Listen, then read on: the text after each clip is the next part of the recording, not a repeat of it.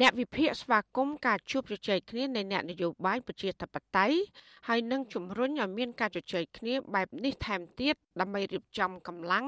តតាំងជាមួយគណៈបកកណ្ដាលអំណាចក្នុងការបោះឆ្នោតនាពេលខាងមុខចាអ្នកជំនាញវិទ្យាសាស្ត្រនយោបាយលោកអែមសវណ្ណរាយល់ថាការបង្ហាញសារនិងរូបភាព របស់លោកកឹមសុខានិងលោកយ៉ងសង្គមានេះ អាចជារូបភាពការបង្ហាញទំនាក់ទំនងមិត្តភាពធម្មតា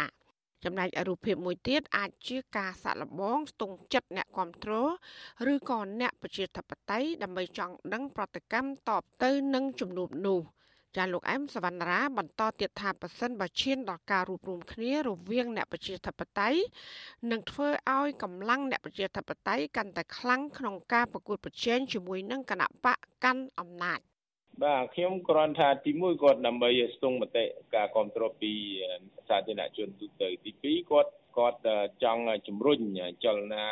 រូបរួមនឹងជាលក្ខណៈរួមមែនទៅគេហៅថាបើសិនបើគាត់ចូលរួមក៏រួមគ្នាអញ្ចឹងកម្លាំងវាអាចទៅខ្លាំងហើយគណៈបកតូចតូចផ្សេងទៀតអាចរួមចំណែកអត់អាហ្នឹងជាចរន្តស្ទង់មតិមើលហើយពិនិត្យមើលស្ថានភាពផងពួកលោកកម្មការក៏អត់ទាន់មានអន្តរសេរីភាពខាងនយោបាយពេញលេញទេបាទហ្នឹងក៏នឹងការស្ទង់ដាក់សាកមើលទេបាទ ចាលោកអែមសវណ្ណរាយល់ថាការរួបរวมគ្នាអាចកើតមានលុះត្រាតែលោកកឹមសុខា មានសេរីភាពធ្វើនយោបាយឡើងវិញ។ការរួបរวมនោះគឺជាការបញ្ចូលគ្នានៃគណៈបកសិទ្ធិមនុស្សគណៈបកភ្លើងទៀនគណៈបកប្រជាធិបតេយ្យមូលដ្ឋាននិងគណៈបកមួយចំនួនទៀតដែលមាននិន្នាការប្រជាធិបតេយ្យរួមគ្នាជាកម្លាំងតែមួយទោះជាយ៉ាងណាលោកថាក្តីសង្ឃឹមដែលគណៈបកសង្គ្រោះជាតិអាចរស់ឡើងវិញនេះគឺមានតិចតួចណាស់ លោកកឹមសុខាត្រូវបានសមត្ថកិច្ចចាប់ខ្លួនដោយចាប់ប្រកាន់ពីបទក្បត់ជាតិហើយតុលាការក៏បានរំលាយគណៈបកសង្គ្រោះជាតិកាលពីឆ្នាំ2017កាលពីឆ្នាំ2019តុលាការក៏បានបន្ធូរបន្ថយការត្រួតពិនិត្យខ្លះដោយអនុញ្ញាតឲ្យលោកកឹមសុខាអាចធ្វើដំណើរក្នុងប្រទេស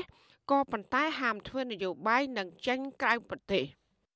ចាអ្នកវិភាគលើកឡើងបែបនេះក្រោយមេធាវីលោកកឹមសុខាម្នាក់បានបង្ហោះ Facebook រូបលោកកឹមសុខាហើយនិងលោកយ៉ងសង្គមា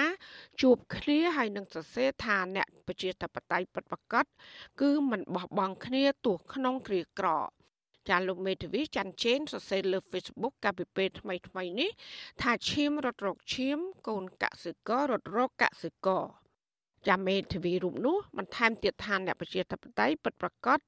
ដែលស្មោះត្រង់នឹងជាតិដូចគ្នាគឺនៅបន្តរួមសុខទុក្ខជាមួយគ្នា មិនរត់ចោលគ្នាទោះបីជាស្ថានភាពលំបាកឬក៏គ្រាមានអាសន្នអន់ក្រយ៉ាងណាក៏ដោយ។ លោកឲ្យដឹងទៀតថាក្នុងជំនួបនោះលោកកឹមសុខាប្រធានគណៈបក្សសង្គ្រោះជាតិនិងលោកយ៉ងសង្គមាស្ថាបនិកគណៈបកប្រជាធិបតេយ្យមូលដ្ឋានក៏ស្វែងយល់អំពីដំណាំកសិកម្មកាហ្វេតែ passion និងជីវភាពប្រជាពលរដ្ឋខ្មែរនៅលើទឹកដីមណ្ឌលគិរី ជាទីស្រីបានសុំការបំភ្លឺបន្ថែមការលើកឡើងបែបនេះពីលោកមេធាវីលោកកឹមសុខាគឺលោកច័ន្ទជេនក៏ប៉ុន្តែលោកគ្រាន់តែប្រាប់ថាគណៈបកប្រជាធិបតេយ្យមូលដ្ឋាន ចង់ឃើញមានការពន្លឿនករណីសំណុំរឿងលោកកឹមសុខា